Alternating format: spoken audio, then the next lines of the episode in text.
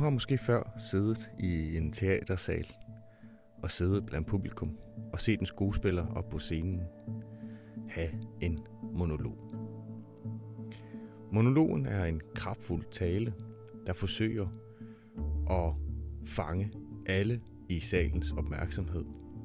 Men monologen aner ikke, hvem der tales til, fordi skuespilleren ikke kender publikum, som kan man sige, øh, som individer. Man kender fænomenet publikum, og man prøver at få dette publikum til at reagere mod en tale.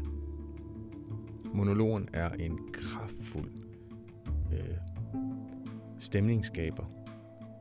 Øh, det er samtidig også en meget vigtig besked, fordi den får så meget opmærksomhed. Jeg har valgt at kalde første sæson af min podcast Idrætsfilosofi for monologen. Og det gør jeg, fordi at jeg gerne vil gengive den kraftfulde stemme, som jeg har inde i mig selv. Med andre ord, så er øh, en monolog på en teatersal øh, iscenesat. Og derfor er det ikke rigtig en rigtig monolog. Og med andre ord, så er denne monolog, øh, som du lytter her i Idrætsfilsvis første sæson, heller ikke en rigtig monolog, det, det er en gengivelse af den indre monolog, som jeg til daglig har inde i mig selv. Jeg vil nu gerne fortælle lidt mere om, hvad denne indre monolog er for en størrelse.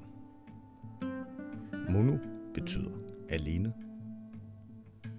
Logos kommer af et gammelt græsk ord, logos, øh, som betyder tale, eller fornuft, eller viden. Så en monolog betyder i virkeligheden en alene viden, en alene tale, en alene fornuft. Det er en fornuft, en tale, noget viden, som udvikler sig og vokser ind i dig, som kun du er opmærksom på. Det er en indre tale ind i dig selv, der prøver på at forbinde helheden i dig med øh, den, øh, kan man sige, opgave, at det er en vigtig besked, et vigtigt signal, som du skal lytte til.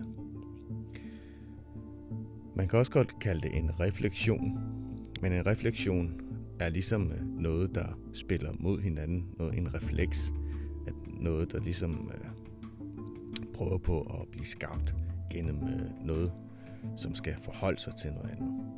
Men monologen er anderledes. Monologen handler om det, du er, kan man sige, indkapslet med af følelse, af tanker, af bevægelser, som ingen andre kan berøre. Monologen er et eksistentielt fænomen.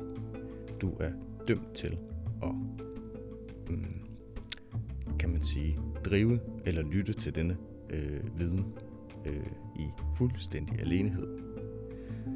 Så derfor kan monologen også gå hen og være lidt trættende. Hvorfor? Det er det første afsnit.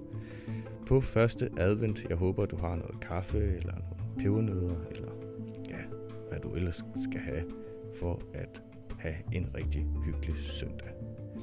Jeg har desværre ikke mere at give øh, i første afsnit, øh, og det er simpelthen fordi, at jeg vil gemme lidt øh, til næste afsnit, som kommer til at handle om, hvordan du kan have en monolog, denne indre viden, når du løber. God søndag.